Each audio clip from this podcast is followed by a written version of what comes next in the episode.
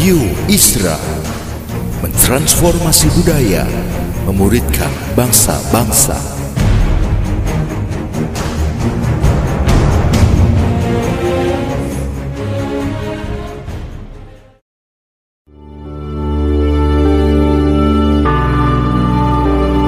Apostolic Prophetic Messages mengungkapkan pesan dan arahan dari hati Tuhan bagi gerejanya demi menuntaskan mandat kerajaan Allah di Indonesia dan bangsa-bangsa. Selamat mendengarkan.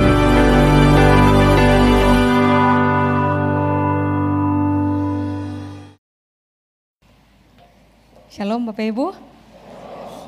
Bapak Ibu izinkan saya uh, pagi hari ini berbagi kepada kita bersama tentang ini uh, Christ inside. Jadi Kristus di dalam. Jadi ini yang kita pahami bersama. Uh, semua orang ngaku tahu tentang kebenaran. Tapi tidak semua orang hidup dalam kebenaran. Ini yang harus mulai kita kembangkan dalam pemahaman kita bahwa kebenaran itu tidak pernah dipicu oleh perasaan. Ya. Kebenaran juga tidak pernah dipicu. Kehidupan benar itu nggak pernah dipicu oleh permainan teori. Sudah tahu banyak, sudah pasti hidupi banyak, belum tentu kehidupan benar itu juga tidak dipicu oleh semua aturan agama. Enggak mungkin sudah. Lalu kehidupan benar juga itu enggak mungkin dipicu oleh alasan linier. Sebab akibat. Nah kenapa sampai sering kali kita tahu kebenaran, tapi kita gagal hidup dalam kebenaran? Paling banyak itu karena faktor ini Pak, Ibu, yang tadi saya sebut kepada saudara. Permainan perasaan, terpaku pada teori semata, terikat dengan aturan agama. Lalu yang terakhir yang paling parah adalah kita mengkaitkan kebenaran dengan alasan linier sebab akibat. Nah, saya undang saudara untuk langsung saja buka dengan saya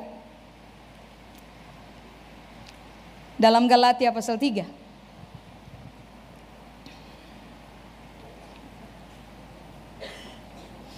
Orang Kristen hari-hari terakhir ini sedang digiring kepada begini, kalau mau hidup benar, eh, fokus kepada realitas sebab akibat. Kamu berdosa, neraka. Kamu benar, sorga, linear, selalu sebab akibat. Nah mari kita lihat dulu bahwa gaya hidup benar itu tidak dipacu oleh hal-hal, dipicu oleh hal-hal tersebut. Saya sudah lihat Galatia pasal 3, ayat 10 saya baca sampai ayat 13. Karena semua orang yang hidup dari pekerjaan hukum Taurat, bagaimana? Nah itu sudah harus pahami dulu.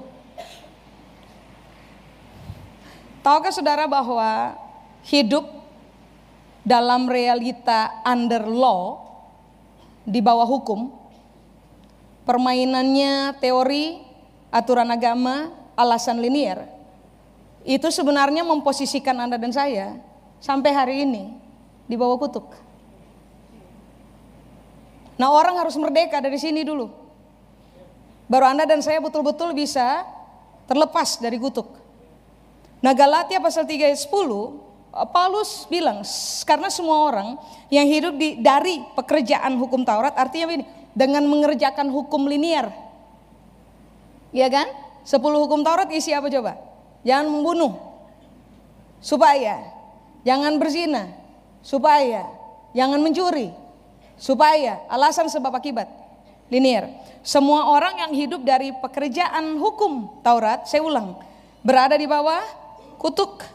Sebab ada tertulis, terkutuklah orang yang tidak setia melakukan segala sesuatu yang tertulis dalam kitab hukum Taurat.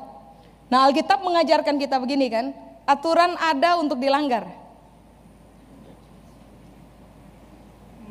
So realitanya begitu. Waktu hukum akhirnya ditegakkan di tengah-tengah orang Israel, mereka punya hidup tambah kacau.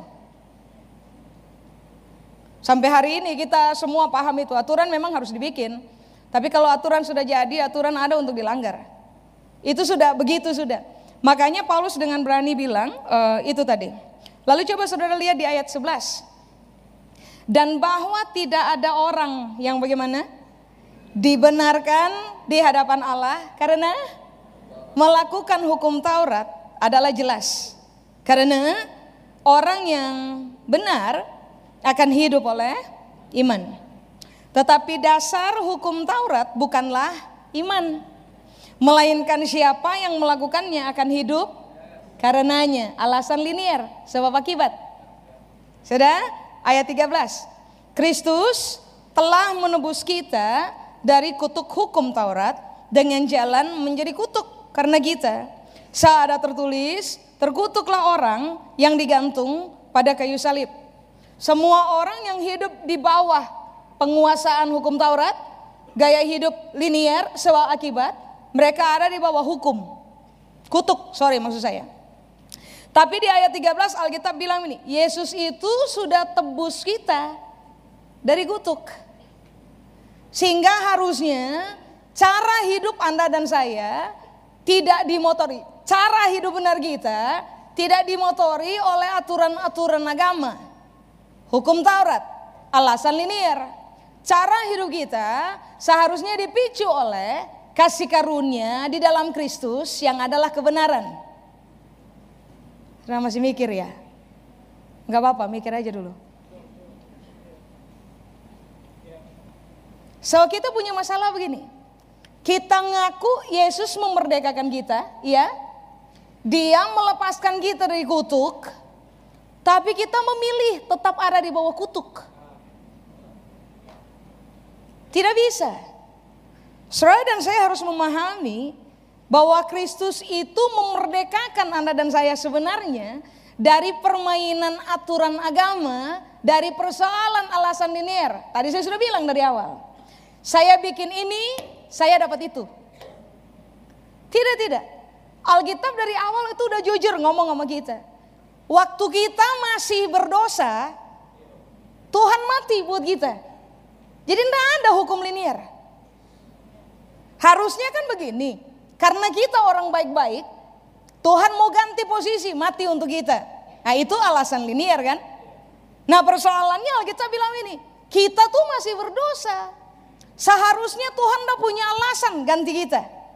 Cuma itu yang disebut dengan Tuhan memang dari dulu, kebenaran itu dari dulu, pendekatannya bukan sebab akibat.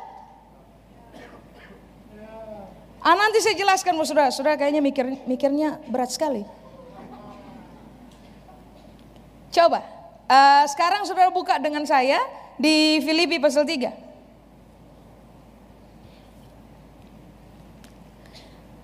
harus bayar perpuluhan. Kalau tidak mati neraka. Coba, linier. Harus datang ke gereja. Kalau tidak hari Senin pulang.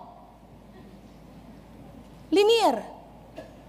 Kekristenan menjadi sesuatu yang sudah tidak lagi menyenangkan. Karena terbiasa dibangun dengan pola linier.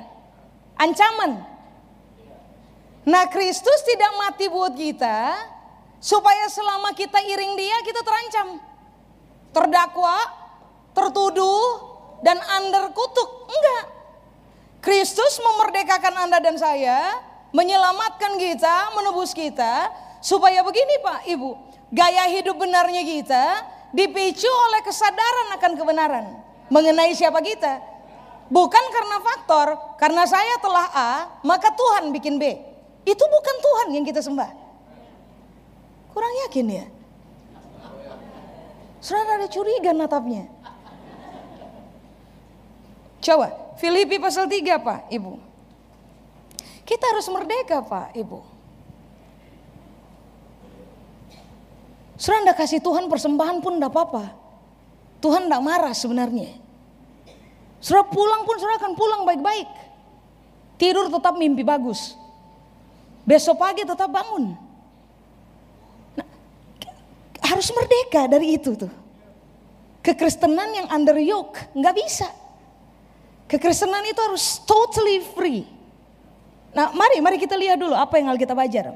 Filipi pasal 3 rada panjang Pak Ibu. Ayat 4 sampai 11. Sekalipun aku juga Paulus bilang, ada alasan untuk menaruh kepercaya percaya kepada hal-hal lahiriah. Jika ada orang lain menyangka dapat menaruh percaya pada hal-hal lahiriah, aku lebih lagi, Paulus bilang. Sudah? Ayat 5. Disunat pada hari ke-8, itu aturan toh? Sudah? Dari bangsa Israel. Dari suku Benyamin, orang Ibrani asli, tentang coba garis bawahi pendirian terhadap hukum Taurat aku orang Farisi harga mati langgar berdosa langgar mati. Tentang kegiatan aku penganiaya jemaat for the sake of the truth. Jadi karena kebenaran yang Paulus yakini hari itu makanya dia terlibat dalam aniaya jemaat. Coba agama bikin orang bodoh memang sudah tentang kegiatan aku penganiaya jemaat. Tentang kebenaran dalam mentaati hukum Taurat. Aku tidak bercacat. Tetapi ini yang dia bilang. Tetapi apa yang dahulu merupakan keuntungan bagiku sekarang kuanggap rugi karena bukan hukum. Keuntungan dalam hidup bukan mengerjakan hukum. Paulus bilang, keuntungan dalam hidup adalah karena Ah itu Kristus. Nanti saya jelaskan buat saudara, tapi saudara tahan di situ dulu. Sudah lihat ayat 8 sekarang. Malahan segala sesuatu kuanggap rugi karena pengenalan akan Kristus Yesus Tuhanku lebih mulia daripada semuanya. Oleh karena dialah aku telah melepaskan semuanya itu dan menganggapnya sampah supaya Aku memperoleh Kristus. Jadi esensi hidup benar bukan karena mengerjakan hukum. Esensi hidup benar karena saudara memperoleh, memperoleh Kristus. Esensi hidup benar bukan karena saudara ikuti aturan 1, 2 sampai 5 selamat. Esensi hidup benar adalah karena realita tentang Kristus itu dikenal oleh Anda dan saya. Tidak apa-apa, saudara masih berpikir, ah, itu dulu. Mari kita lanjut. Sembilan. Dan berada di dalam dia bukan dengan ah, kebenaranku sendiri karena mentaati hukum Taurat. Melainkan dengan kebenaran karena kepercayaan kepada Kristus yaitu kebenaran yang Allah anugerahkan berdasarkan kepercayaan. Lalu ayat 10. Yang ku kehendaki ialah mengenal dia dan kuasa kebangkitannya dan persekutuan dalam penderitaannya di mana aku menjadi serupa dengan dia dalam kematiannya supaya aku akhirnya beroleh kebangkitan dari antara orang mati. Jadi Paulus bilang ini, esensi hidup benar adalah menemukan Kristus. Kristus adalah keuntungan yang memerdekakan kita dari kutuk. Esensi hidup benar bukan mengerjakan hukum yang istilahnya begini. Orang Yahudi dari awal cuma dapat 10 hukum Taurat kan? Karena otak manusia 10 aturan berkembang menjadi lebih dari 1000 aturan agama. Sehingga akhirnya kekristenan bukan kekristenan, upaya mereka untuk memperoleh perkenanan dari Allah menjadi semakin kompleks, rumit, nggak simple lagi. Sehingga akhirnya entah saudara menyetujuinya atau tidak. Mari saya tanya, agama menyenangkan ke tidak? Tidak. Kenapa agama tidak menyenangkan? Sesimpel ini Pak, Ibu, aturannya rumit. Coba kalau kita mau ikuti seperti yang diajarkan buat kita, saudara setengah mati. Datang ke bait Allah dan tanan beda. Setengah mati, kita setengah mati. Makanya puji Tuhan ini yang Paulus berupaya kasih tahu kepada semua orang percaya. Orang harus betul-betul memilih untuk merdeka dari kutuk. Caranya, saudara harus hidup dalam kebenaran. Caranya, saudara harus menemukan Kristus yang adalah kebenaran. Caranya, saudara harus mengenal Kristus yang adalah kebenaran. So, kalau saudara dan saya memiliki Kristus, lalu mengenal dia, pahamilah ini. Proses kita mengiring Yesus akan menjadi sangat simpel. Persepsi kita tentang kebenaran akan menjadikan kita orang simpel. Coba, semua orang yang terjebak kepada realita agama, rumit nggak? Jangan pura-pura tidak tahu. Bicaralah dengan orang yang yang yang istilahnya begini, quote and quote, ahli agama. Saudara akan berharap jangan ketemu dengan orang itu hari ini kan? Karena nggak nyambung.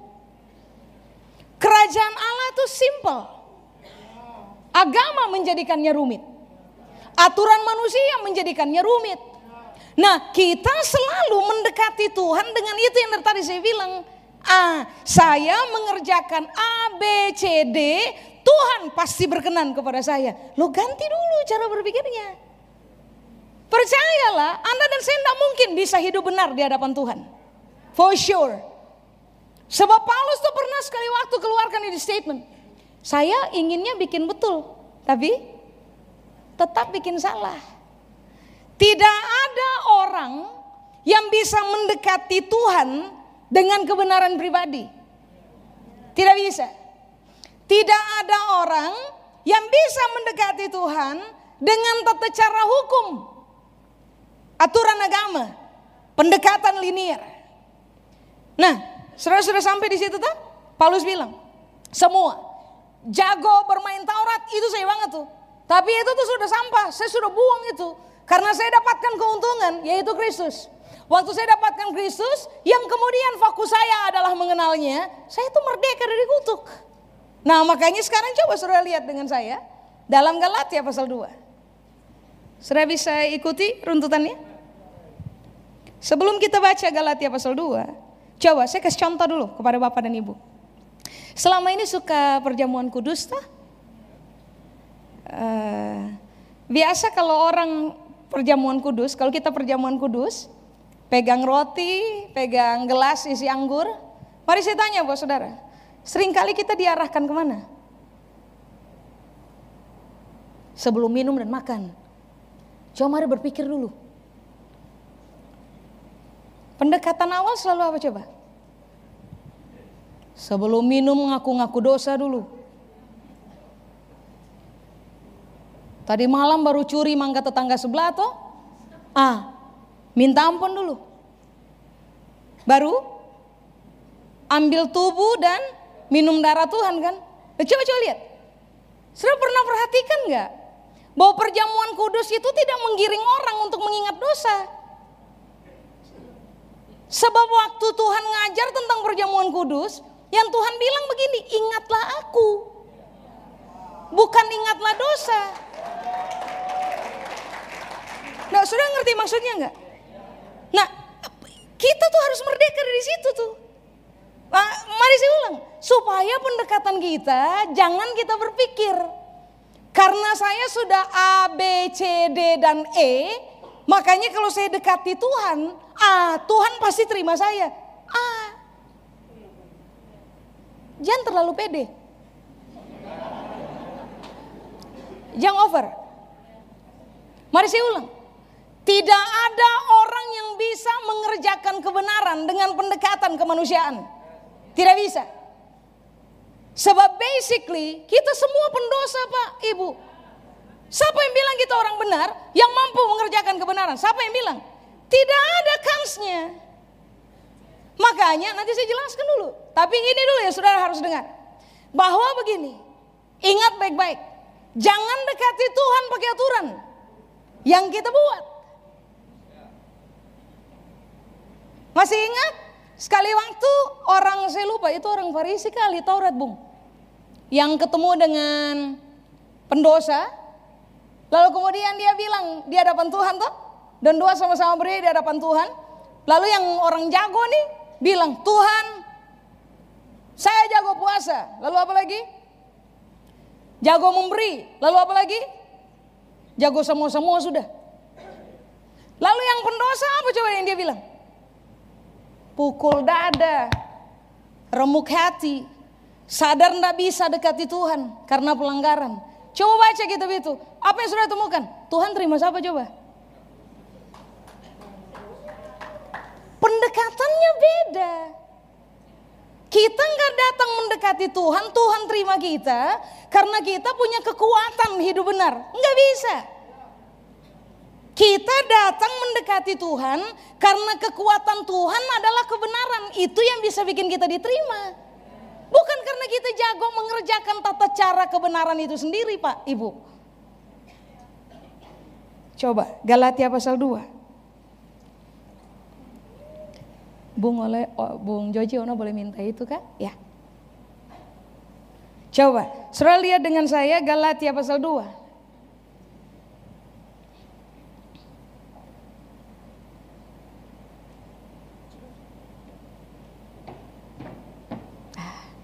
Dangke nyong. Dangke nona. Ya. Galatia pasal 2, saudara lihat dengan saya ayat 18, ayat 19. Karena jikalau aku membangun kembali apa yang telah kurombak, aku menyatakan diriku sebagai pelanggar hukum Taurat. 19.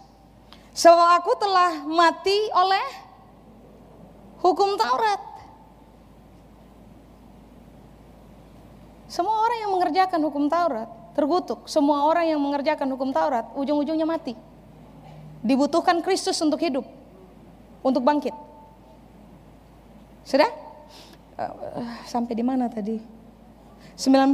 So aku telah mati oleh hukum Taurat untuk hukum Taurat. Supaya aku hidup untuk Allah. Kalimat berikutnya. Aku telah disalibkan dengan Kristus. Namun aku hidup. Tetapi bukan lagi aku sendiri yang hidup. Realita Paulus. Enggak, enggak, enggak. Dia bilang, realita yang kerjakan hukum Taurat dengan jago. Realita sebagai Yahudi hebat. Uh, bukan lagi aku sendiri. Aku hidup bukan lagi aku sendiri yang hidup. Melainkan Kristus yang hidup di dalam aku. Dan hidupku yang kuhidupi sekarang di dalam daging adalah hidup oleh iman dalam anak Allah yang telah mengasihi aku dan menyerahkan dirinya untuk aku. Aku tidak menolak kasih karunia Allah. Sekiranya ada kebenaran oleh hukum Taurat, maka sia-sialah kematian Kristus. Kalau kita bilang ini, kita benar karena kita lakukan A, B, C, D, A, Yesus mati percuma. Mari saya jelaskan satu-satu ayat 18. Supaya saudara ikuti benang merahnya.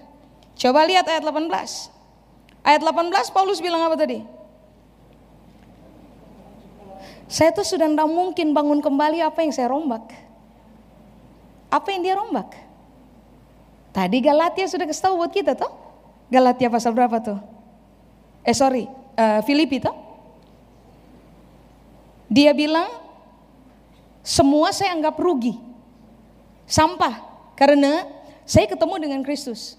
Lalu di Galatia Pasal 2 ayat 18 dia bilang, ah, saya tidak mungkin bangun apa yang saya sudah rombak. Kristus merdekakan saya, saya tidak mungkin kasih diri saya didrill oleh semua aturan agama. Membangun. Diambil dari kata oikodomeo. Artinya begini, membangun ulang dasar dari awal. Semua orang Yahudi dasar awalnya apa coba? Hukum Taurat. Kerjakan terima perkenanan, tidak kerjakan mati celaka. Itu pendekatannya. Nah Paulus bilang ini, dasar itu, bangunan itu, saya sudah rombak. Kata rombak, kata lio, artinya kata lio. Kata lio itu artinya ini Pak, Ibu. Memisahkan diri dari penyatuan itu dan udah nggak mungkin lagi bersatu. Jadi Paulus tuh hari itu waktu dia tulis ini, dia lagi bilang begini, hidup saya dulu di drive oleh aturan, bukan oleh Kristus. Ini yang saya putuskan. Saya rombak. Saya pisahkan diri dari pemahaman itu dan saya sudah tidak akan mungkin lagi kembali kepada pemahaman itu. Sudah? Lalu kemudian dia bilang, sebab kalau saya bangun lagi pemahaman itu, bahwa Tuhan berkenan pada saya karena saya melakukan A, B, C, D. Paulus bilang begini, saya adalah pelanggar. Kata pelanggar di situ para bates, para bates itu artinya ini, saya telah menentang keyakinan yang terbangun oleh Kristus. Jadi Kristus menjelaskan, kamu bisa hidup benar cuman karena Kristus. Kamu tidak hidup benar karena kamu at lakukan aturan ABCD. Saudara, saudara bisa ikuti di sini? Nah Paulus bilang, saya paham itu. Makanya saya putuskan rombak semua yang saya bangun. Pemahaman, penerimaan Tuhan terhadap saya, saya rombak semua. Dan saya putuskan, saya tidak mungkin lagi nyatu dengan pemahaman itu. Mengapa? Karena pemahaman Paulus sekarang adalah gaya hidup benar tidak dipicu oleh karena lakukan aturan agama. Gaya hidup benar dipicu karena Kristus yang telah dikenal. Nah itu beda. Coba saudara lihat ayat 19.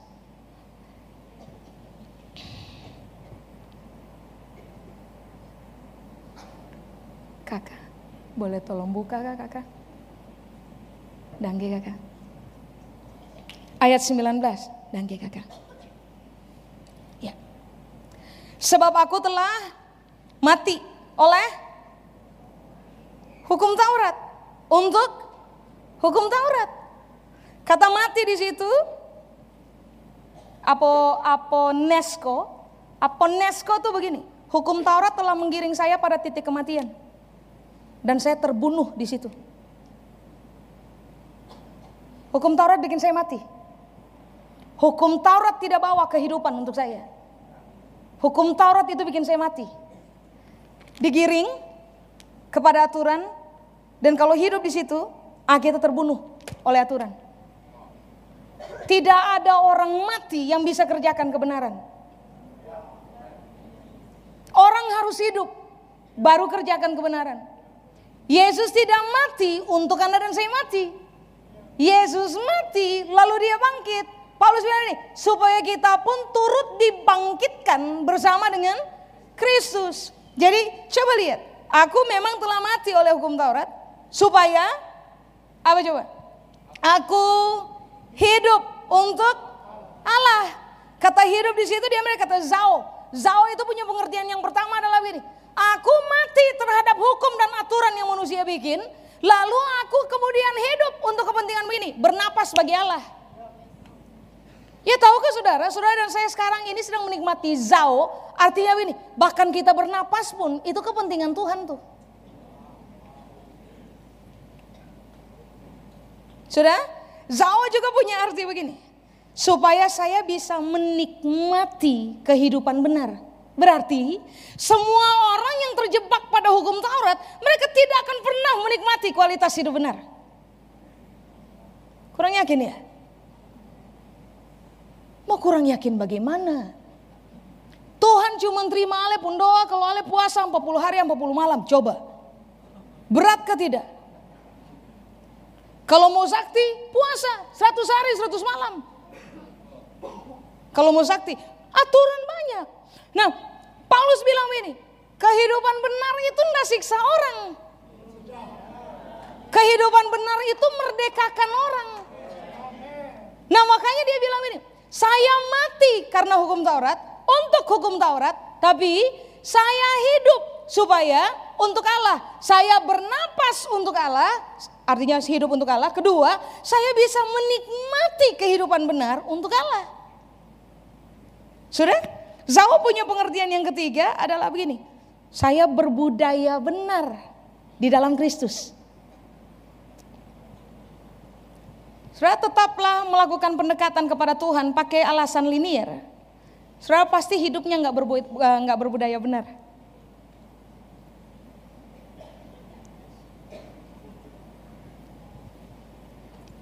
Sebab budaya benar cuma kita bisa punya karena kebenaran itu menetap dalam kita.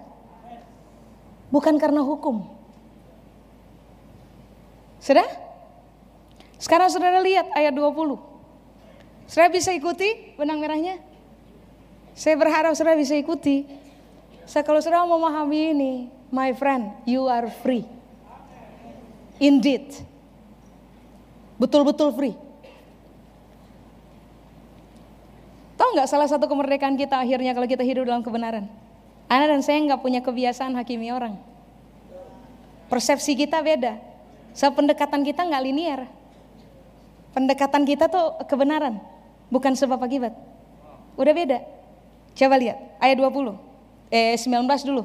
19 pun kalimat terakhir apa tadi tuh? Eh hmm. Aku telah disalibkan dengan Kristus. Lihat ayat 20. Namun aku hidup. Tetapi bukan lagi aku sendiri yang hidup, melainkan ya ya, ya. Christ inside me. Hidup di dalam aku. Dan hidupku yang kuhidupi sekarang di dalam daging, semua ketong masih pakai daging toh Pak, Ibu? Saya ada yang makhluk roh di sini toh. Ah, katong pung kaki masih injak tanah, masih daging. Dan hidupku yang kuhidupi sekarang di dalam daging adalah hidup oleh iman dalam anak Allah yang telah mengasihi aku dan menyerahkan dirinya untuk aku. Uh, kalimat itu kurang enak. Hidup oleh iman dalam anak Allah. Coba, kalau saudara renungkan itu kalimat, persepsinya apa coba? Saya yang beriman. Mari kita berpikir sedikit dulu. Sekalimat itu menjelaskan, saya ulang, saya ulang. Hidupku yang kuhidupi sekarang di dalam daging adalah hidup oleh iman dalam anak Allah. Jadi anak Allahnya ada dan hidup oleh imannya siapa? Kita. Jadi itu menyertakan unsur kita kan. Hidup oleh iman dalam anak Allah. Salah terjemahan. Kalau saudara punya Alkitab bahasa Inggrisnya, eh, kalau saudara bawa, mungkin bisa tampilkan di sini. Kalimat hidup oleh iman dalam anak Allah. Tahu nggak bahasa Inggrisnya bilang apa Pak, Ibu? I live by the faith of the Son of God. Imannya siapa?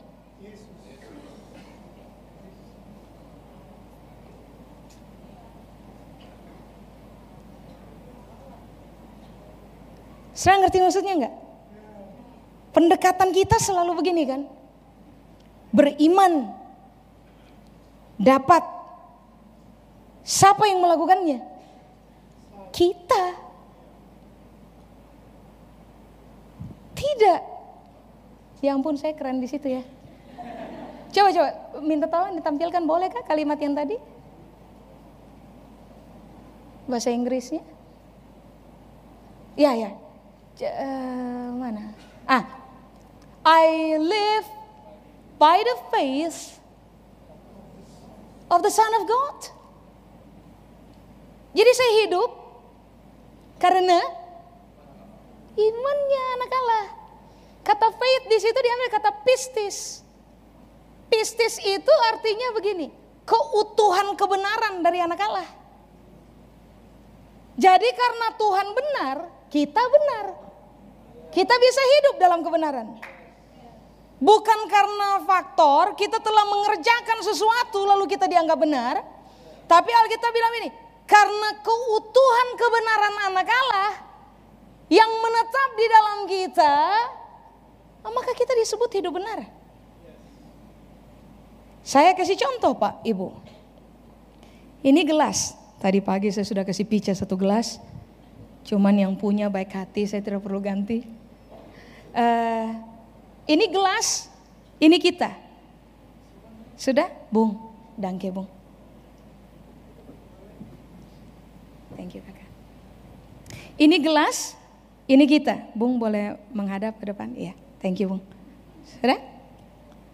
Kita punya isi pak, ibu. Semua kita punya isi.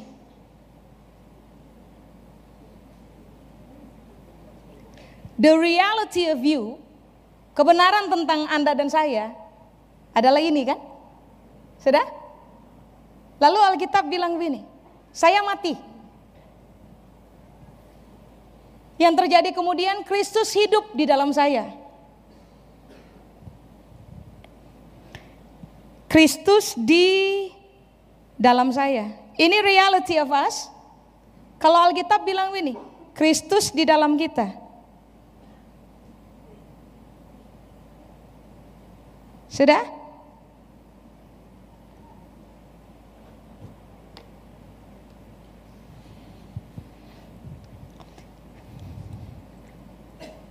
Yang saudara lihat air bening kah air putih?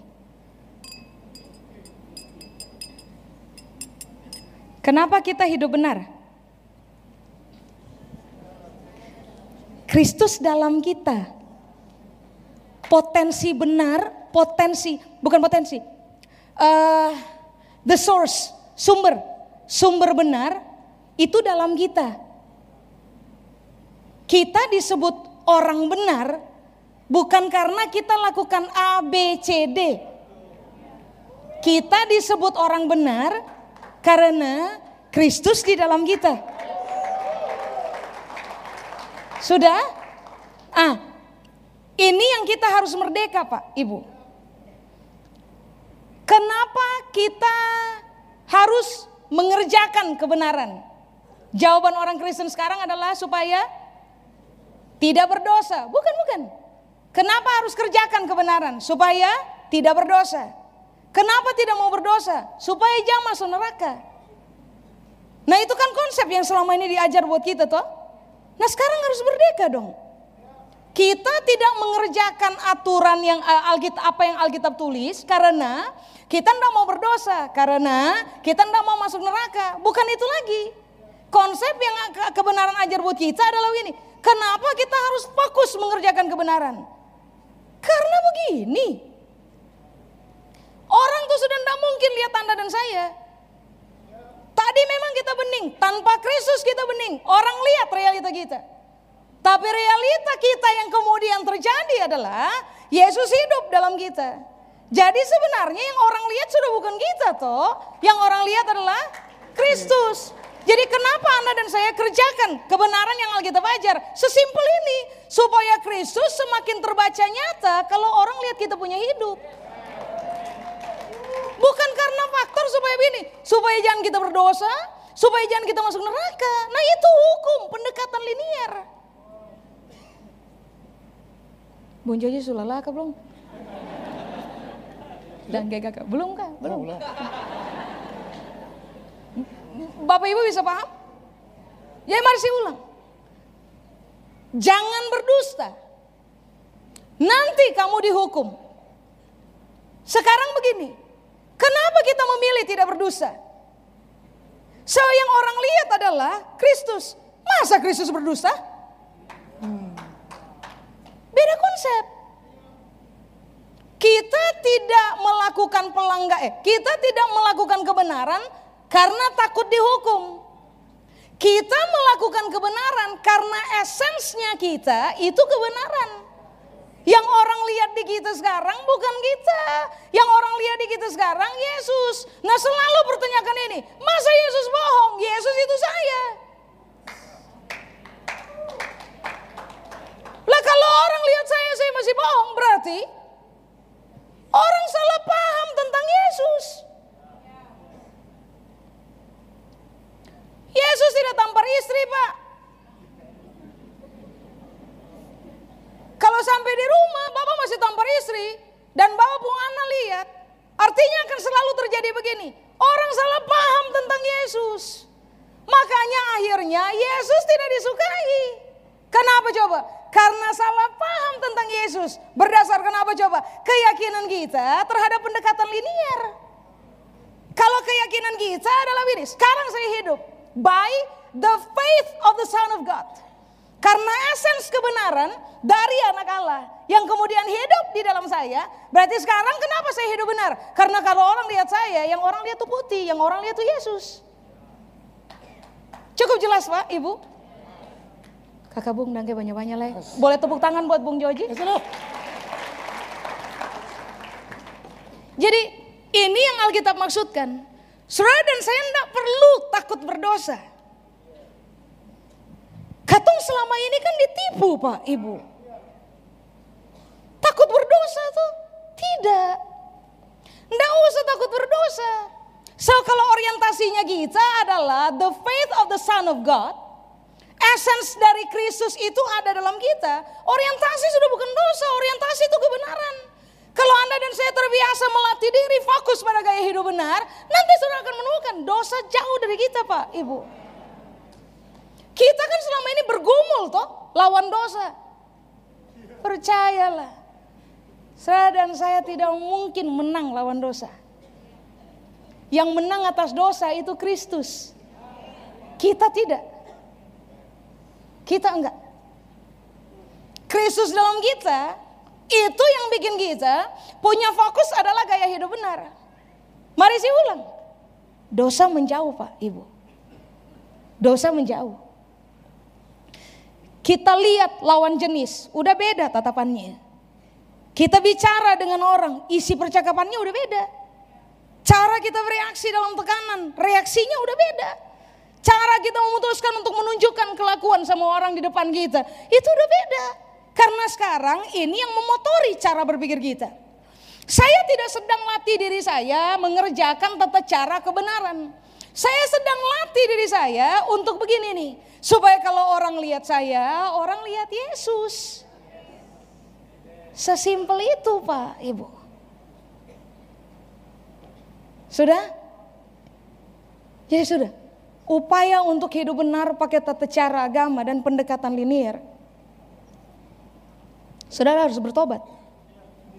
Karena kalau tidak bertobat, kita semua dibawa kutuk. Keyakinan kita sekarang begini, kenapa kita nggak sentuh dosa? Karena Yesus tidak melakukannya. Itu udah bukan area permainannya kita. Areanya kita sekarang adalah yang putih itu. Orang lihat saya, orang lihat Yesus. Yesus tidak tusuk orang dari belakang. Yesus ditusuk dari belakang iya. Yesus tusuk orang dari belakang itu tidak. Kenapa kita tidak akan tusuk orang dari belakang? Karena itu saja. Bukan karena masuk takut masuk neraka. Karena itu esens kebenaran gaya hidup Kristus yang sedang kita putuskan untuk hidup di dalamnya. Simpel kan Pak, Ibu? Ayat terakhir sudah daripada saudara semua pulang susah. Galatia pasal 4. Saudara lihat dengan saya ayat 19. Pulang imajinasikan ini Pak, Ibu. Orang lihat saudara, orang harus lihat warna putih. Orang tidak boleh lihat bening.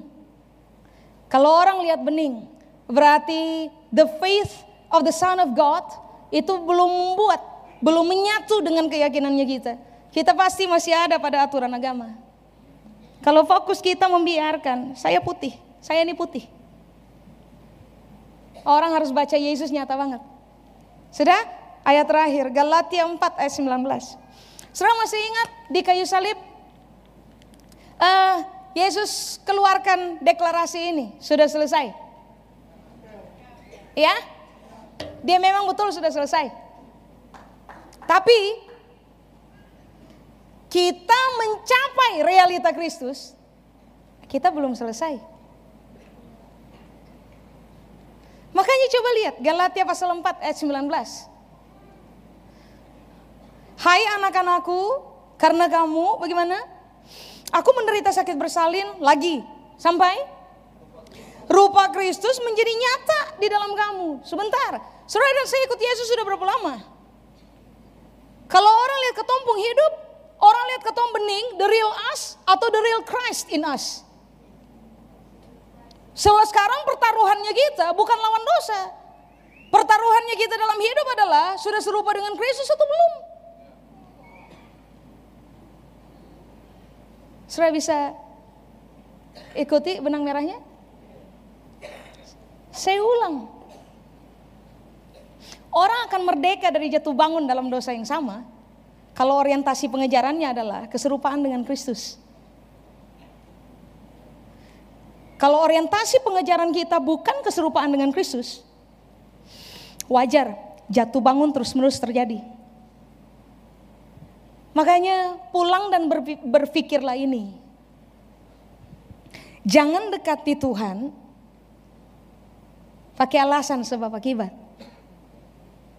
Dekati Tuhan dengan cara berpikir ini. Saya selamat karena karya Kristus. Saya bisa hidup benar karena esens kebenaran itu menetap di dalam saya. Orientasi saya sekarang bukan orientasi tentang begini, lawan dosa. Orientasi saya sekarang adalah orientasi bagaimana hidup begitu rupa ke arah serupa dengan Kristus. Beda orientasi kan?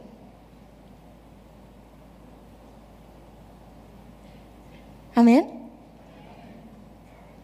Selalu pertanyakan itu. Orang kalau lihat saya, orang lihat air bening atau orang lihat susu.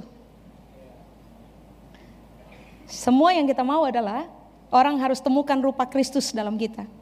Berarti fight-nya kita dalam hidup adalah mengejar keserupaan dengan Kristus, bukan tentang persoalan terlepas diri dari dosa. Merdeka dari dosa cuma terjadi ketika kebenaran perintah hidup Anda dan saya. It happens just like that.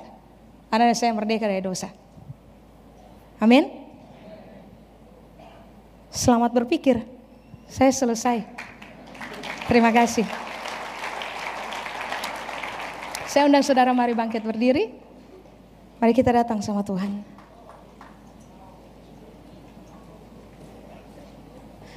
Bapak Ibu, jangan sombong. Saya nggak ada orang yang bisa dekat dengan Tuhan, jangan sombong.